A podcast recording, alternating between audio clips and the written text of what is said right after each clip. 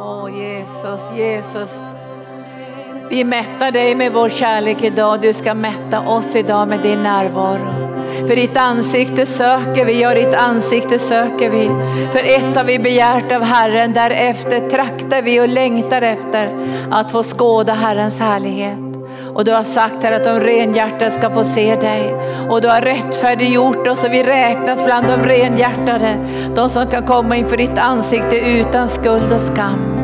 Och därför går vi fram till nådens tron den här förmiddagen för att ta emot hjälp i rätt tid, men också få en rätt förståelse av våra liv och vår kallelse och den utrustning du har gett oss för att kunna tjäna dig i den här yttersta tiden.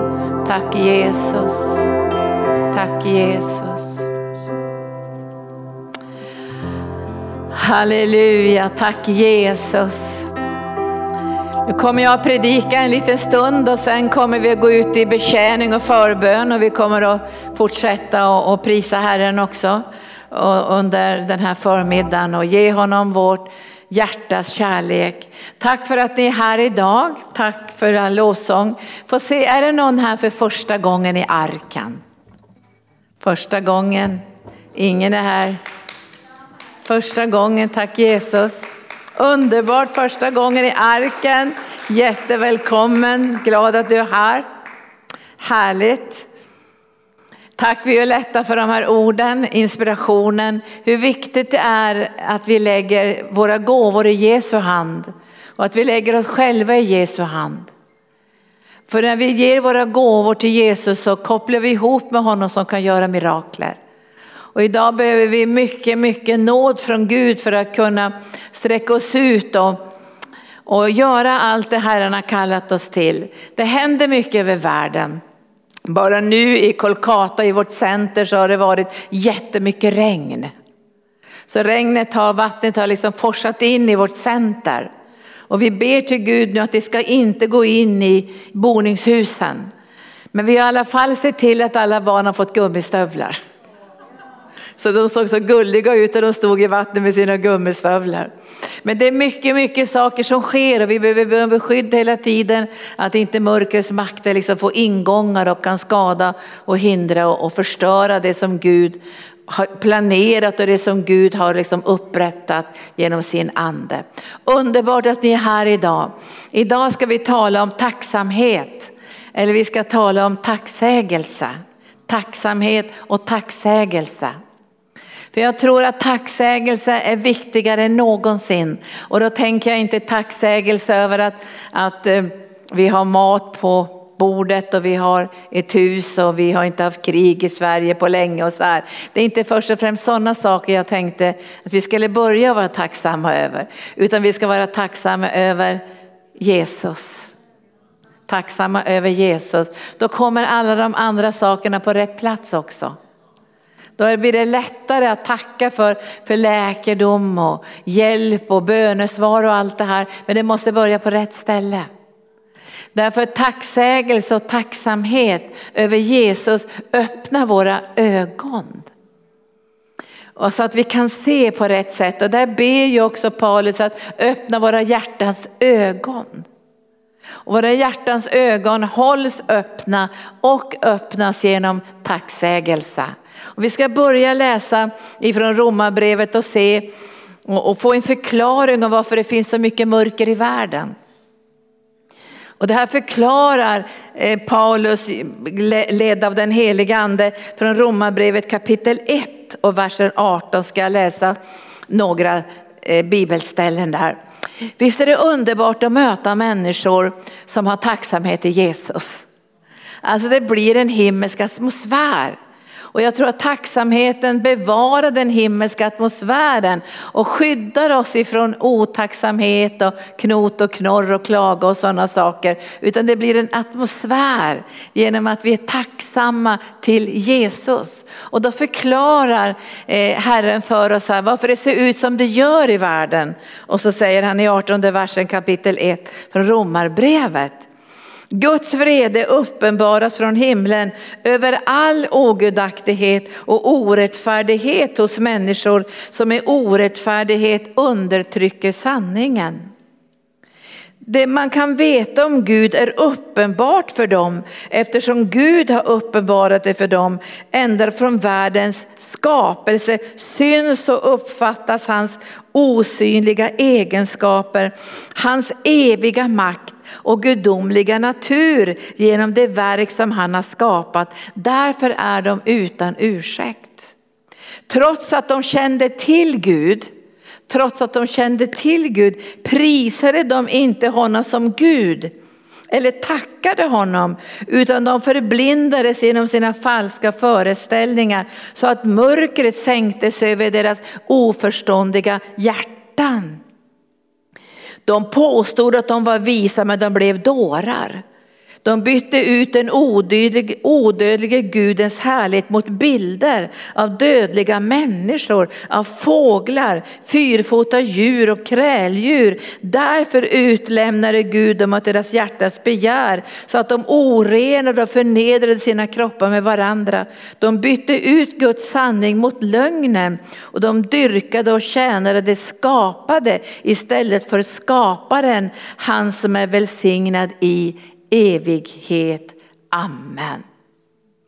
Vi ser här att mörker kan lägras över våra tankar och våra känslor och det som vi gör och vår livsinställning om vi tappar bort det här viktiga att prisa och lova Jesus för den han är.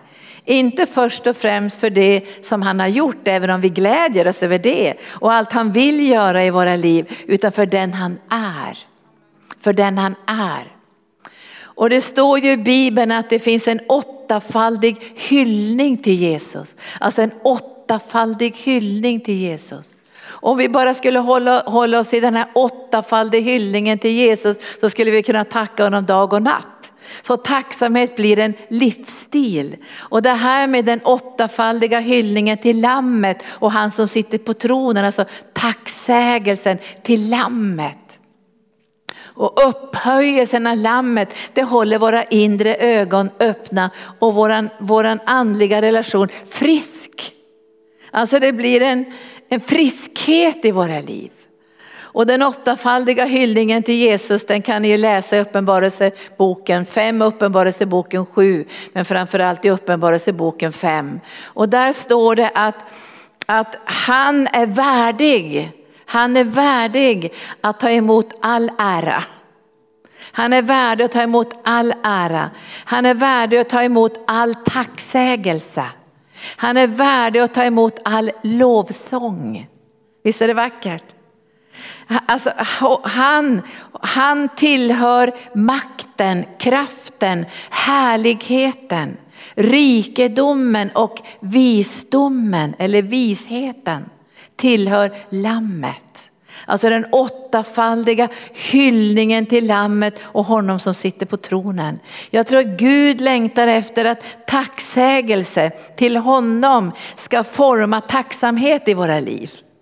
Alltså när vi visar tack, tacksägelse till, till lammet så blir det en tacksamhet i våra liv över att vi får tjäna honom, älska honom och följa honom. Och sen vet vi ju också att i spåren av vår kärlek till Jesus finns allt vad vi behöver. Alltså han säger ju det, sök först mitt rike och min rättfärdighet så ska allt det andra tillfalla dig. Alltså för allt det här finns i Jesus. Vi ska titta på tacksägelse och tacksamhet. Så det händer någonting i våra hjärtan och det händer också någonting mellan oss. När tacksägelsen går till Jesus. Det blir så rent, det blir så vackert. Och ur den tacksägelsen så kan vi också se varandra och se hur Gud använder oss hur Gud smörjer oss, hur Gud utrustar oss. Så det blir också en tacksamhet i det som Gud gör i våra liv och vi ser det. Därför att vi har gett all ära till Jesus. Hans är äran. Hans är tacksägelsen. Hans är lovsången. Han är värdig att ta emot all kraft, all makt, all härlighet. Rikedomen tillhör honom och visdomen tillhör honom. Och det här blir ett överflöd från våra hjärtan att tacka Jesus. Vi ska se på det här idag på tacksägelsen som en livsstil. Inte bara att vi går omkring och säger tack Jesus, tack Jesus, vilket vi gör också hela tiden nästan. Men det är någonting som händer i våra hjärtan. Det händer någonting i våra hjärtan. Vi börjar se livet genom hans ögon. Vi börjar uppfatta saker på hans sätt. Och då ska vi se hur mycket det här handlar om Jesus egentligen. Och vi ska börja se från Kolosserbrevet kapitel 3. Kolosserbrevet kapitel 3. Kolosserbrevet kapitel 3, jag börjar med det, sen tar jag Kolosserbrevet kapitel 2. Kapitel 3 så, så läser jag ifrån 14 versen. Och över allt detta ska ni klä er i kärleken, bandet som förenat i fullkomlig enhet. Låt Kristi frid regera era hjärtan, den frid som ni är kallade till i samma kropp och var tacksamma. Låt Kristi ord rikligen bo hos er med all sin vishet. Undervisa och förmana varandra med salmer, hymner och andliga sånger. Och sjung till Gud med tacksamhet i era hjärtan. Och allt vad ni gör i ord eller handling, gör det i Herren Jesu namn. Och tacka Gud Fadern genom honom. Tacka Gud Fadern genom honom. Och sen säger Paulus genom Guds ande i Kolosserbrevet kapitel 2 så säger han i den Fjärde versen i kapitel 2. Detta säger för att ingen ska bedra er med övertalningsknep. För även om jag inte är hos er kroppsligen så är jag hos er i anden och jag glädjer mig när jag ser er ordning och fasthet i tron på Kristus. Liksom ni tog emot Kristus Jesus som Herren så lev i honom rotade och uppbyggda i honom och grundade i tron i enlighet med den undervisning ni har fått och låt er tacksamhet flöda över. Här handlar det om tacksamhet som flödar över.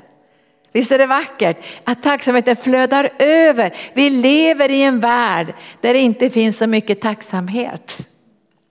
Vi lever i en värld där jag tror våra ögon har förblindas över allt gott vi har fått från Gud. Och vi sjöng idag så här, glöm, låt mig inte glömma allt gott du har gjort. Men jag tror vi lätt kan glömma det om vi inte har blicken på Jesus. Därför vår tacksamhet och vår tacksägelse ska, ska framför allt lyftas till honom som har gett sitt liv för oss. Och utifrån den tacksamheten blir ett överflöd och flöde in i våra liv och öppna våra hjärtan så det blir lättare att ta emot ifrån Gud. Få tag på hans lösningar.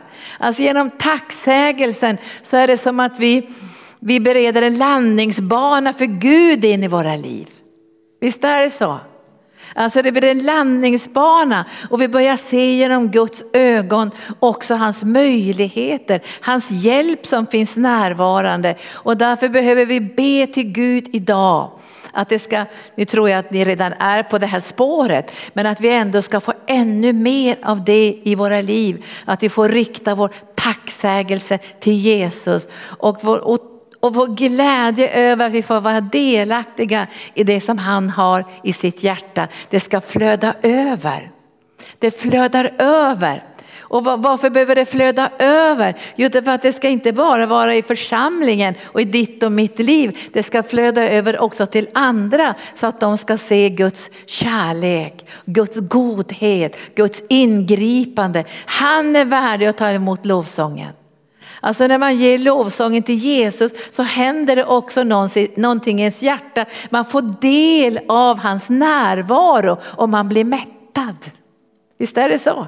När du ger lovsången till Jesus så kommer han att lyfta upp dig och lovsjunga dig. Vet du det?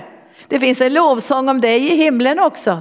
När du har lovsjungit Jesus så finns det en sån tacksägelse i himlen över dig att du har gensvarat, att du har lagt ner ditt liv på altarplatsen för att tjäna honom så finns det en lovsång och tacksägelse också över dig när du ger din lovsång och tacksägelse till Jesus.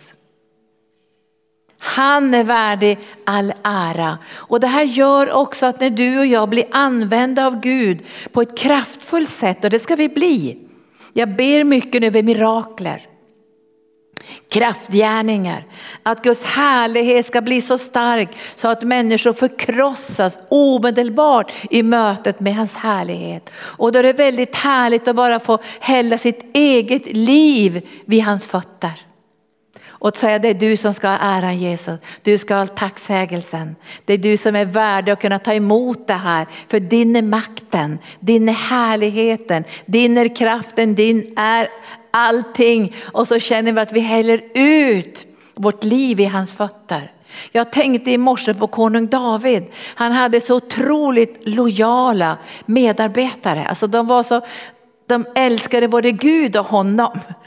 Och en dag så stod han så här och, och sa så här, Åh, jag skulle vilja ha lite vatten från Betlehems källa. Jag längtar efter det här vattnet, stod han och pratade mer för sig själv.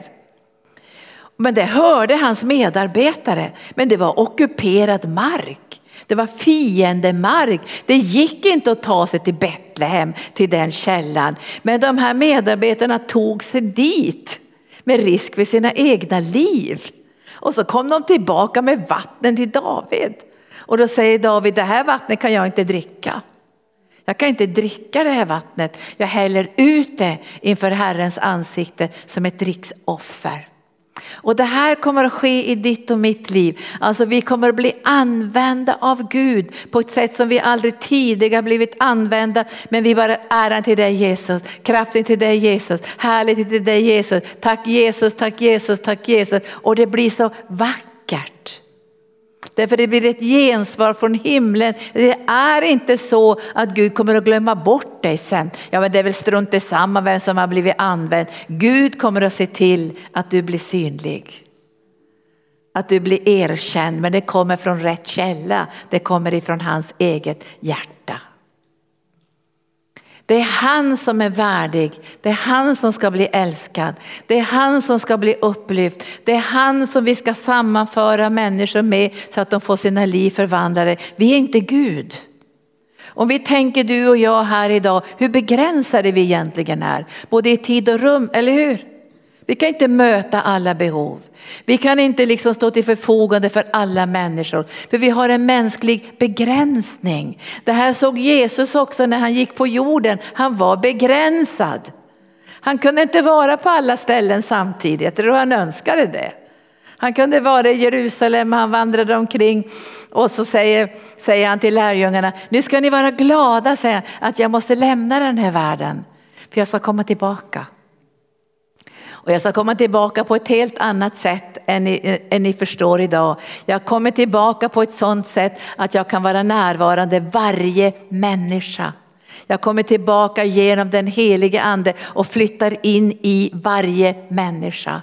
Vilken nåd som tar emot honom som frälsare. Så nära är Jesus varje människa. Det är bara han som kan vara överallt samtidigt.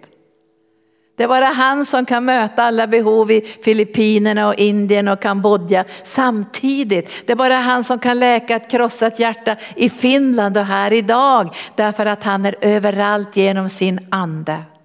Och det här gör att du och jag också får bli lite ödmjuka inför det här. Därför vi kan inte vara Gud.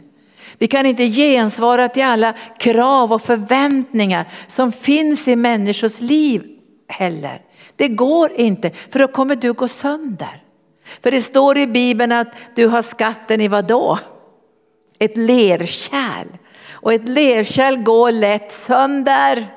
Du har inte skatten i, en, i en, något, något material som inte går sönder, utan du har det i lerkärlet. Och därför måste vi vara ödmjuka i det här. Vi är inte Gud. Vi måste sammanföra människor med Jesus så att han får möta de här djupaste behoven i deras hjärtan. Men samtidigt har vi ställt oss till förfogande för Herren i vår begränsning. Och när vi ger äran till Jesus, tacksägelsen, lovsången, det är han som äger smörjelsen. Du och jag får låna den här smörjelsen då och då för att kunna flöda i den heliga ande och betjäna människor. Vi får samarbeta med den heliga ande för att Guds kraft ska flöda genom våra liv. Och ibland är det så starkt så vi blir saliga i flera veckor. Jag tänkte vad fantastisk Gud är. Häromdagen så fick, var det en man som skrev till oss här på arken och sa att jag, jag, jag hörde han kommer från ett annat land. Så hade han varit i sån nöd och bett till Gud. Och då hade han hört mitt namn. Linda Berling hade Gud sagt. Och han sa till Gud, vem är det? För han var tvungen att gå och titta på internet om man skulle kunna hitta någon som hette Linda Bergling. Jag visste inte vem jag var, vad var det för konstigt namn? Och då kom han till arken. Och jag frågade honom, vad är ditt behov och var, var, varför tror du Gud sammanförde eh, oss i, i, i anden på det här sättet? Och då berättade han för mig att han var i den djupaste nöd. Och han fick uttrycka den djupaste nöden och jag visste att jag skulle aldrig det naturliga kunna möta den nöden, men jag kände en källa som aldrig någonsin ska sina. Den källan heter Jesus. Så underbart. Vi sammanför människor med Jesus och det här blir lättare och lättare för oss när vi kommer in i den här tacksägelsen till honom. Då kommer vi ut ur den här lerkärlets begränsning som håller tillbaka. För vi önskar kunna räcka till till så många som möjligt. Men så har Gud tänkt att hans mångfaldiga nåd ska flöda. Vi ska tjäna varandra med de nådegåvor vi har fått. Men vi måste ändå se att vi, det är inte till oss som den här äran och tacksägelsen i första hand ska komma. Den ska komma till Jesus. Tack Jesus, tack Jesus, tack Jesus. Du är källan till liv, du är källan till hälsa. Allt som vi behöver kommer ifrån dig. Och då blir det där, allt vad vi gör i ord eller gärning, jag läste ju det. Allt vi gör i ord eller gärning, det gör vi i tacksamhet till Jesus.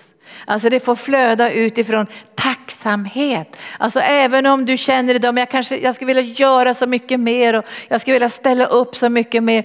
Men du säger så här, jag gör det i tacksamhet till dig Herre. Allt det jag gör vill jag ska bli en, jag ska säga en ära till dig, en tacksägelse till dig och att jag ska kunna hålla mitt hjärta så rent att det får flöda ut tacksamhet ur mitt hjärta till dig. Det ska flöda tacksamhet. Och vi har ju, jag ska ta några saker idag, bara lyfta fram det här att bön måste ha sitt fundament i tacksamhet. Alltså bön är inte att man beställer på Amazon eller på, har ni beställt någon gång på Amazon? Det är en sån här snabb, man får, man får hem grejer väldigt snabbt på. Och så kan man beställa såklart på alla möjliga ställen. Man kan beställa vad man vill nu nästan överallt. Så kan man beställa saker. Och så kan de komma hem med det också. Och de, kom, de kommer hem med det kanske inom två dagar. Därför man beställer. Men när det gäller Gud så är inte han i beställning. Att nu ska vi beställa av Gud. Och kommer inte han och möter våra behov och ger oss det vi har beställt nu, då blir vi sura på Gud. Alltså det får aldrig, vi, vi får be Gud om allt, så står det, eller hur? Alltså vi ska komma med våra önskningar inför honom och han säger be om vad ni vill och ni ska få det. Men det börjar inte där. Det börjar i en tacksamhetens överlåtelse till honom när vi tackar honom som Gud som Gud. Vi tackar honom för den han är. Det är där vår tacksägelse måste ha sin, sin grund. Det är där som det måste flöda, annars kommer vi att bli ganska besvikna kristna efter några år. Gud gav mig inte det jag bad om och han, han, han helade inte den här människan som jag bad och jag fick inte det här, de här pengarna som jag sökte. Och så blir det istället en otacksamhet eller bitterhet till och med som kan fylla våra hjärtan.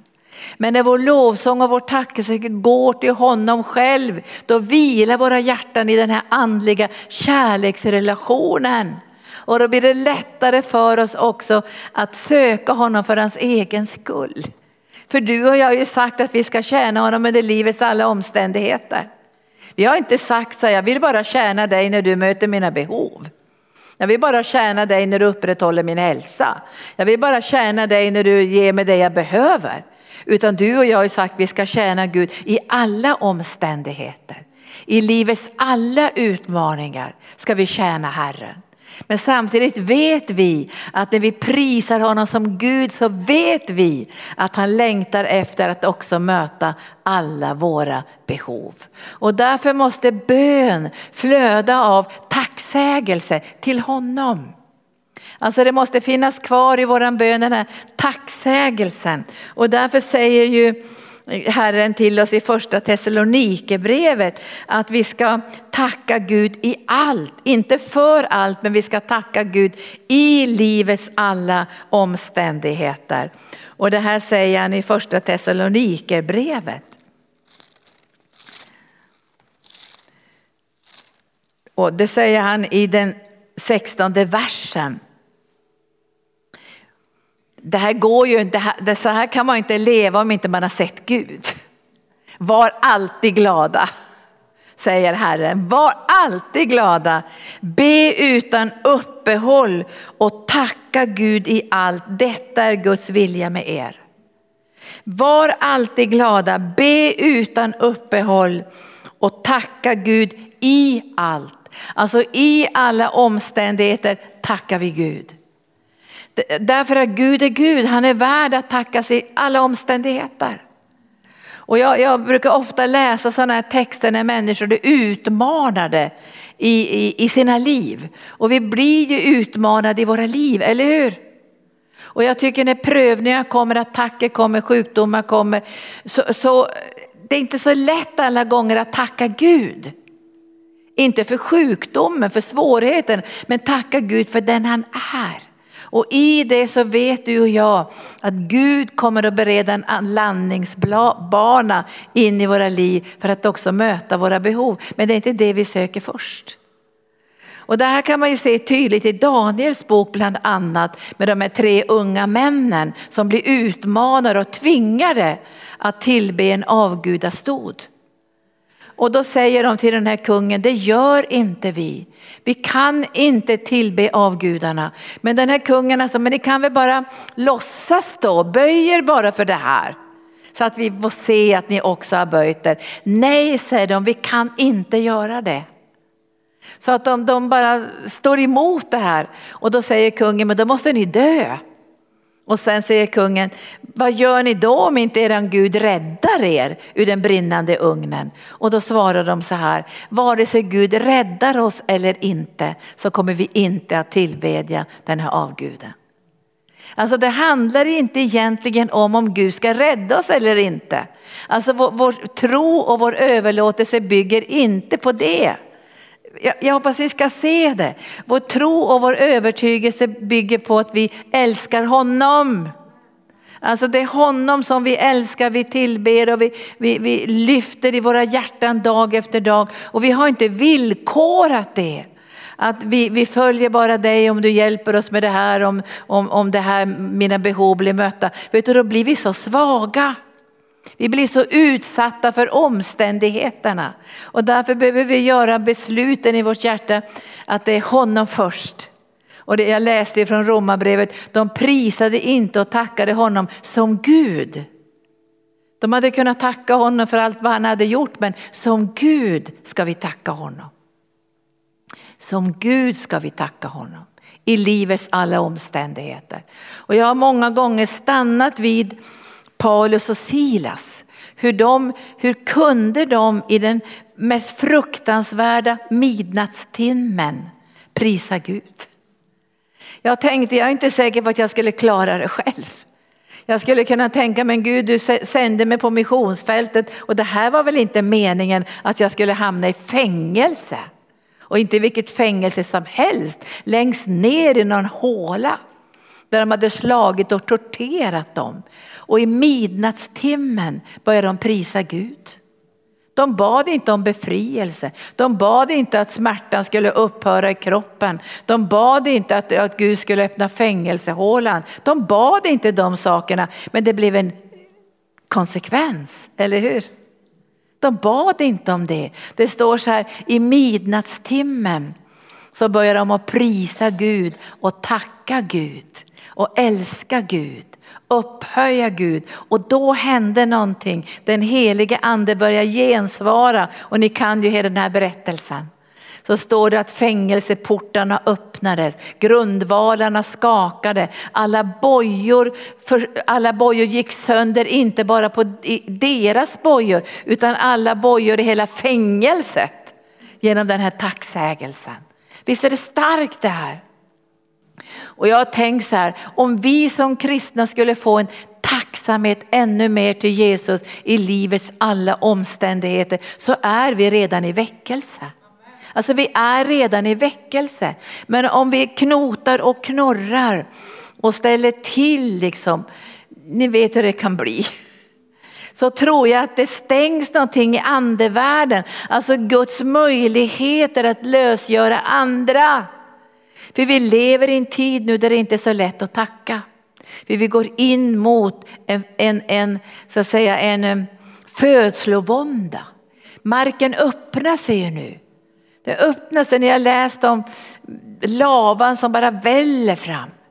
När jag läst om översvämningar, när jag läst om nöd bland människor. Det finns nästan ingen anledning att tacka i den här tiden om vi skulle titta på omständigheterna. Men era ögon ser någonting annat, vi skådar Herren. Vi skådar Herrens härlighet, vi skådar Herrens nåd, vi skådar Herrens ljuvlighet och det händer någonting då att vi kan tacka i livets omständigheter. Det måste ju skaka människors sinnen. Hur kan ni stå och tacka Gud? Hur kan ni alltid vara glada? Vi är inte glada över översvämningar och sjukdomar och pandemier, men vi lyfter upp Jesus och vi vet när vi tackar honom för den han är, då händer det någonting i anden. Bojorna löstes upp och fängelsedirektören tänkte ta sitt liv för han blev helt förtvivlad. Ska alla fångar springa iväg? Men, men Paulus och Silas säger lugna er nu för nu ska vi ha väckelsemöte. Tack Jesus. Och det blev dop och det blev lovprisning. Och det blev glädje bland alla de här människorna. Tacksägelsen lossar bojor. Och därför måste vi öva oss, vi måste öva oss att vända vårt hjärta till Jesus och tacka. Och när det tar allra mest emot måste vi tacka extra mycket. För många, många år sedan så var vi lite grann i en kris i arken och jag skulle vara tvungen att samla kanske 20 pers och ge inte något roligt besked. Det var lite jobbigt. Och jag tänkte nu ska jag gå in i det, jag hade samlat de här människorna och, och jag gick in och så såg jag på dem att de såg väldigt sura ut. Väldigt, det var svart i blicken. Och då tänkte jag så här, vad ska jag göra nu tänkte jag. Jag måste säga till dem, låt oss tacka Herren. Nu ska vi ta en lång stund och tacka Herren. För jag tänkte, om vi inte tackar Herren kommer vi inte se möjligheterna, vi kommer inte se utvägarna, vi kommer inte se hjälpen. Vi ska inte be att Gud ska hjälpa oss och lösa saker, vi ska inte be om det, vi ska bara tacka honom. Bara tacka honom, tacka honom, tacka honom. Och så sa jag till alla, nu ska vi ta en lång stund och bara tacka Gud. Bara prisa Gud och lova Gud och upphöja Gud. Och så stängde jag ögonen för jag tänkte jag vågar inte se hur det ser ut. Det var så märkligt alltså, därför att det var bara två stycken som räckte upp sina händer med mig. Alla andra stod så här, var sura. Och jag anklagade inte dem, men jag tänkte så här, undrar vad som kommer att ske med de där två på sikt som hade sina händer upplyfta. Jag har följt dem. Jag har följt dem nu nästan i 30 år och jag har sett deras liv. Hur Gud har använt dem, välsignat dem. Och, och, och, jag har fått se hur Gud liksom uttryckte sin kärlek på olika sätt genom deras liv. I den mörkaste middagstimmen eller nattimmen eller vad det kan vara, då måste man tacka med ett offer. Man, man tackar så här, jag, jag, kan inte tacka för de här omständigheterna, att jag inte har några pengar eller att jag är slagen eller att det har hänt någonting i min familj eller att mitt barn har blivit sjukt. Det kan jag inte tacka för. Men jag kan tacka Gud för han är värdig, nu åttafaldiga hyllningen, den kan ni nu va? Han är värdig att ta emot lovsången. Han är värdig att ta emot tacksägelsen. Han är värdig att ta emot äran, äran. Han är värdig att ta emot härligheten, kraften, makten, rikedomen. Och när han tar emot det här blir inte han korrumperad.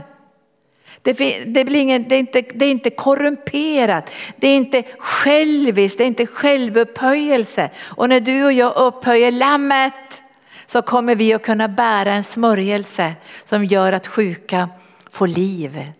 De döda står upp och vi kommer att kunna hantera pengar utan att bli korrumperade. Så är det när vi ger tacksägelsen till lammet. Vet ni att den här tacksägelsen till lammet, den åttafaldiga hyllningen till lammet kommer att bereda väckelse. Och då tänker vi, spelar det någon roll att du och jag älskar Jesus och älskar Jesus? Det gör det. Därför det kommer hända någonting i andevärlden bland människor som kommer att klaga mer och mer och mer och mer. Och det kommer att vara ovanligt att stå i, i en nöd och utsatthet och prisa Gud. Men det ska ni göra och vi ska göra. Därför vi vet hur det här fungerar och det ska överflöda med tacksägelse. Med tacksägelse. Det finns ingen bön som inte har tacksägelse. Därför att bönen måste grundas i tacksägelse. Därför allt är fullbordat. Allt är färdigt.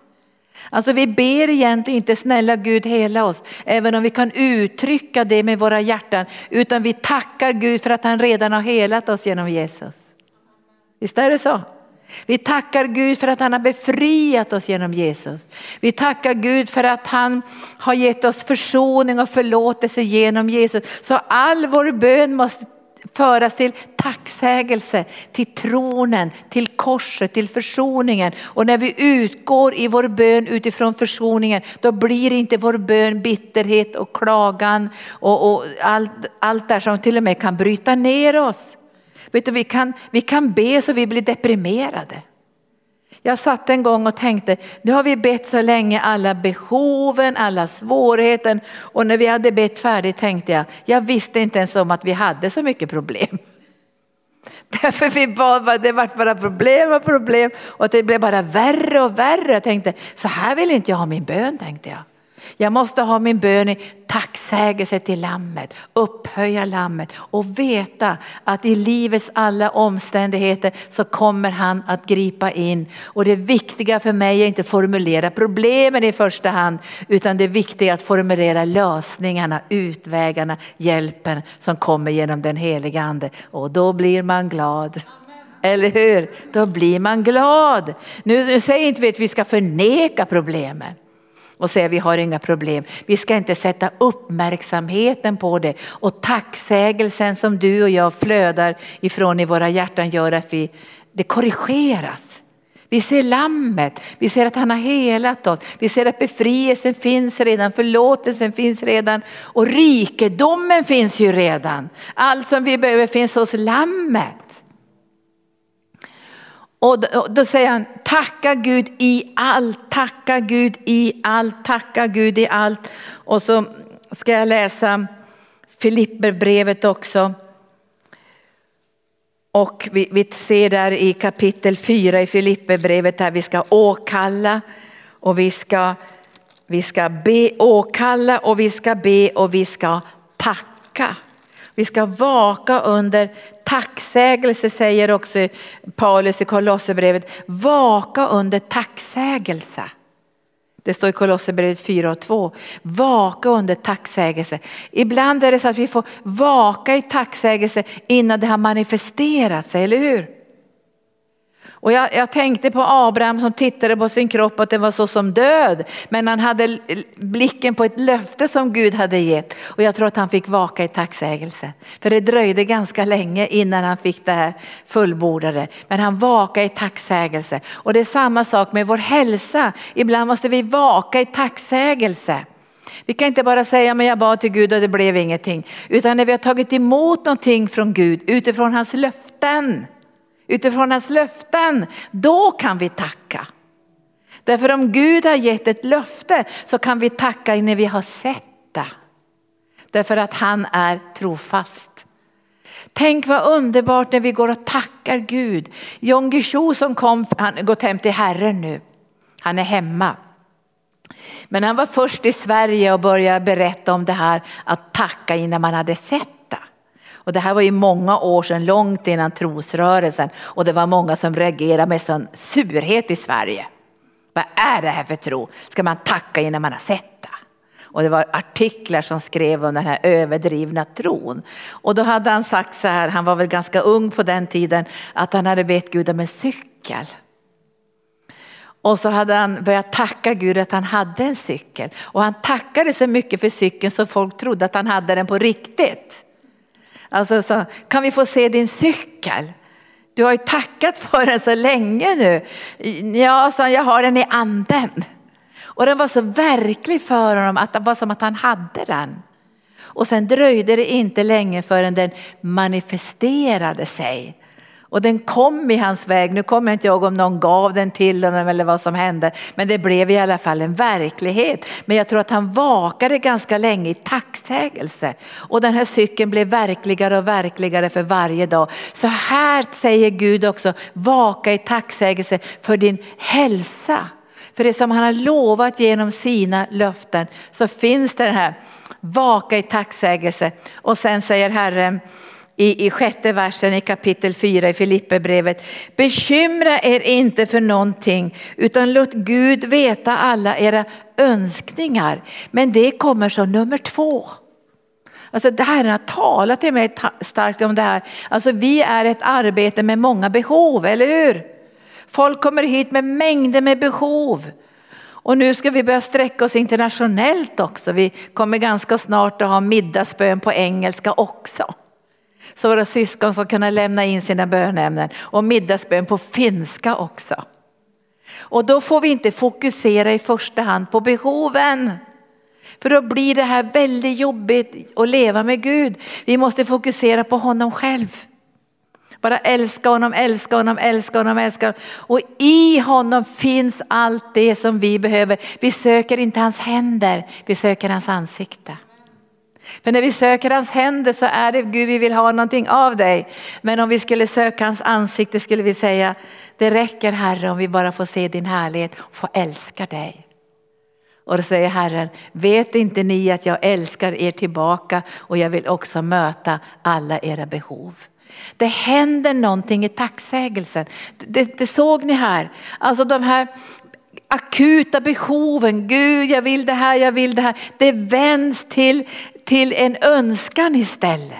Det blir ett annat sätt att närma sig Gud. Gör alla era önskningar kända inför honom. Och önskningar har ju sin grund i ett löfte.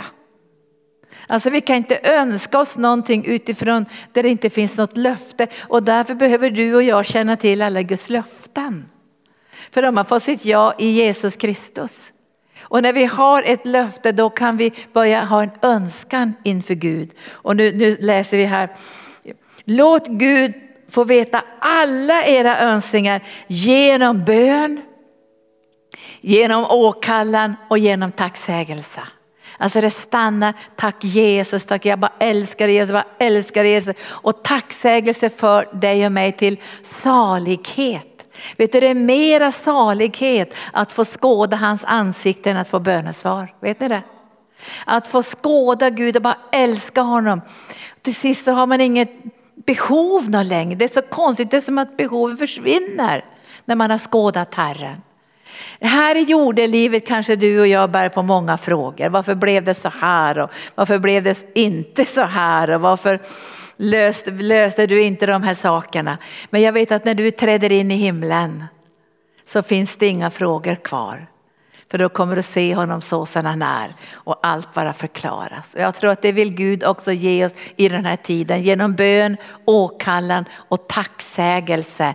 Vad händer då? Då ska Guds frid som övergår allt förstånd bevara era hjärtan och era tankar i Kristus Jesus. Genom tacksägelsen händer någonting. Gud kan bevara oss i sitt hjärta och det gör att du och jag klarar omständigheter och prövningar på ett bättre sätt. Eller hur?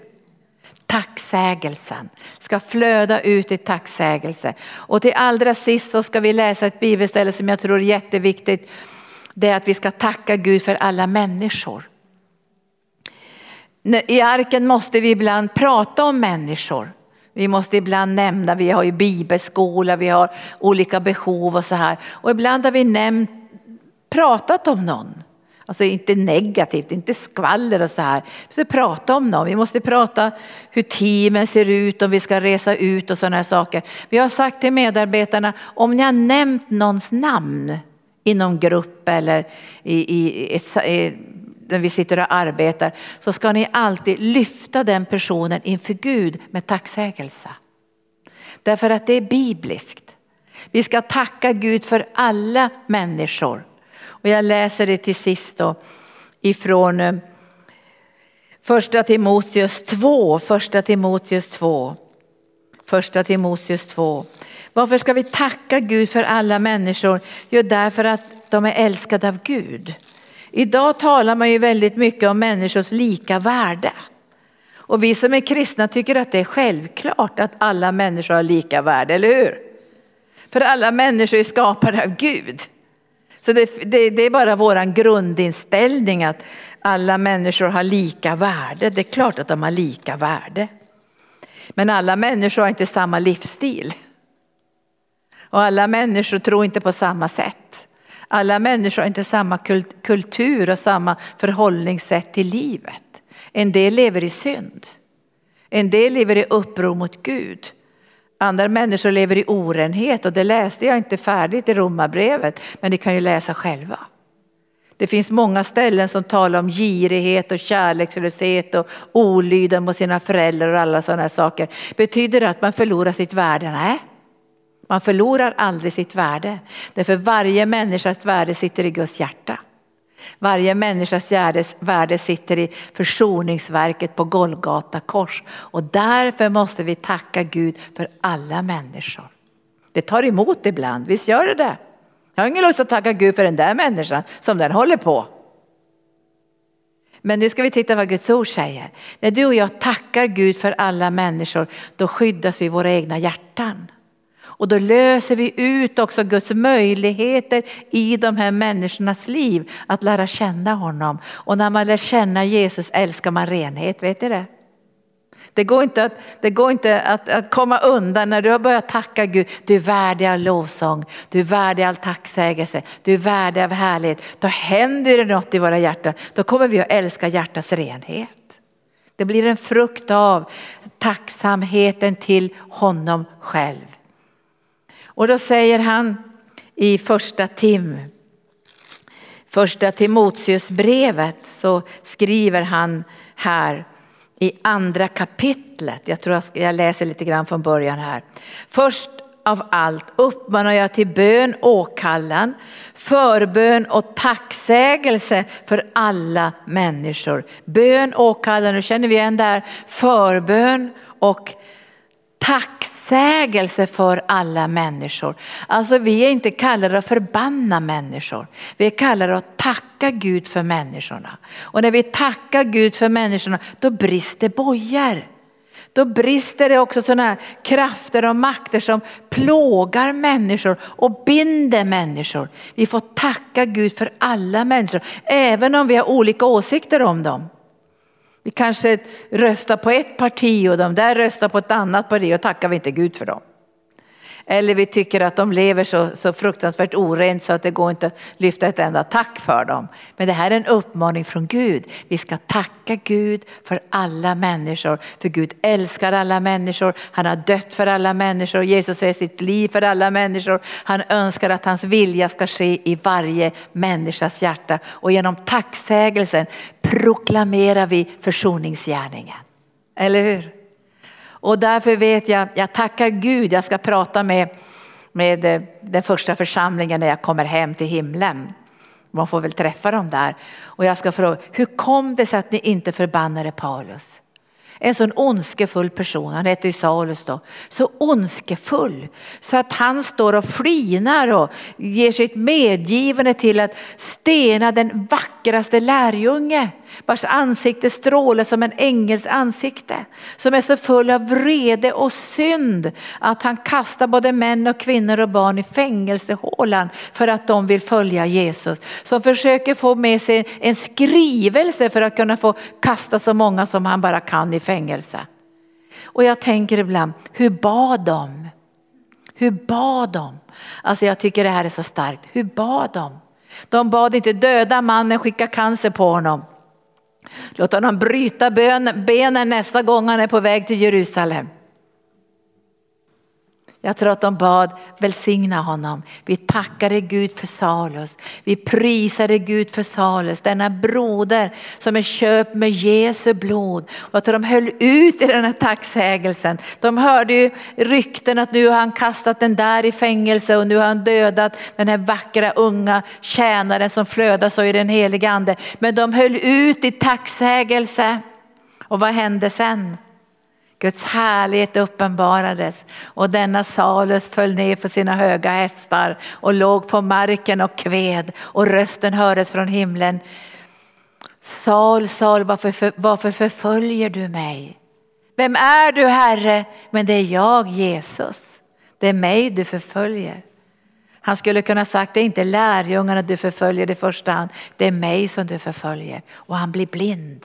För nu har han sett världen genom sina egna kötsliga ögon men nu ska han se världen genom Jesu ögon och han är blind. Och jag tänker på den här profeten, hur vågade han? För han, kunde ju, han visste inte vad som hade hänt med, med Paulus som heter Salus, då visste ju inte han. Men så säger Gud till profeten, nu ska du gå till den där gatan och nu ska du träffa Salus och du ska lägga dina händer på honom och han ska få sin syn igen och han ska bli döpt och han ska bli en tjänare och han ska lida mycket för namnet Jesus. Genom bönen kom Guds kallelse till Paulus. Den låg där i anden. Så genom bönen när du och jag tackar Gud för människor så kan Gud börja verka i människors liv så att de får tag på den här kallelsen. Och jag tror att hans liv, nu läser jag mycket hans brev, hans liv blev fyllt med tacksägelse. Och jag tror att han tackade inte först och främst, tack för att du har räddat mig från det här och tack att du har räddat mig från det här. Han, han älskar lammet. Och en dag står han inför konung Agrippa, precis tiden innan han ska dödas och bli martyr för Jesus. Så säger konung Agrippa, vad är det med dig tu man? Vad håller du på med? Så säger, han, Förstår inte du konung Agrippa att jag kan inte vara ohörsam mot den himmelska visionen. Och den himmelska visionen, det var inte kallelsen, det var inte uppdraget han hade fått, det var Jesus. Han, hade det, han var den himmelska visionen.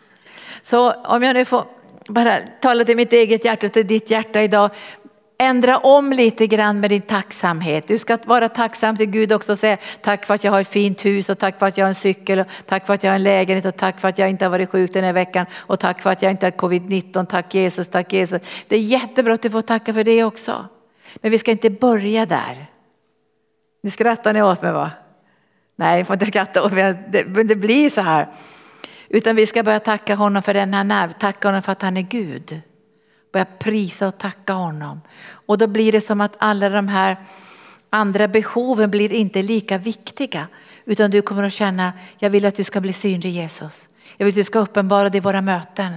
Vi vill se ditt ansikte. Vi vill falla ner in, inför ditt ansikte. Vi vill se vem du är och få uppenbarelse om din härlighet för att kunna bära ut uppenbarelsen om evangelium. För evangelium handlar om Jesus. Och sen kommer också de här andra sakerna när vi börjar se små saker. Och jag tror vi behöver se små saker. För annars blir vi bortskämda. Vi behöver se små saker. Tack Jesus för att jag fick sån uppmuntran av den där systern igår. Tack för att jag fick det där. Jag tror du börjar se Guds hand i ditt eget liv och det gör att du och jag blir ödmjuka. Det händer någonting på insidan. Vi får våra ögon öppnade för små saker. Jag har ju varit diakonissa i många år och varit hos många döende och sådana som har fått svåra sjukdomar. Och alla säger samma sak. När jag fick den här sjukdomen och bad att Jesus skulle uppenbara sig för mig så började jag se små saker. Och en kvinna sa, jag som har varit så bortskämd på allting i mitt liv, nu kan jag ligga där i sängen och bara glädja mig över de här tulpanerna som finns i den här vasen. Så ser jag Guds kärlek. Så vi ska, vi ska, be, vi ska tacka nu Herre och vi ska ändra om lite. Alltså jag tror vi kommer att må bättre här i arken. Och vi mår bättre hemma också i våra egna liv när vår tacksamhet går till Lammet. Han är värdig. Ta emot lovsången, tacksägelsen, äran, härligheten, makten och kraften, rikedomen och all visdom. Vi vill att du ska höra idag Jesus hur mycket vi älskar dig. Vi är så tacksamma, vi vill tacka dig som Gud. Vi vill inte först och främst tacka dig för saker eller andra. Men det kommer också Herre, det vet vi att du vill att vi ska få allt vad vi behöver. Men vi önskar att börja på rätt ställe i våra liv. Att upphöja dig och älskar dig och tjänar dig. Ta bort allt knot och knorr från våra liv. Ta bort allt det här som, som grumlar våra ögon också så vi inte kan se. Vi ber idag att du ska ge oss bättre andlig syn så vi kan skåda dig. Och när vi har sett dig så har vi allt.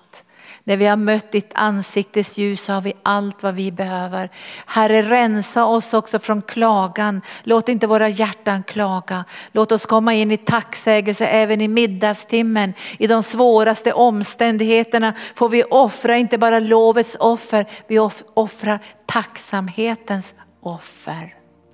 Nu går vi in i tillbedjan.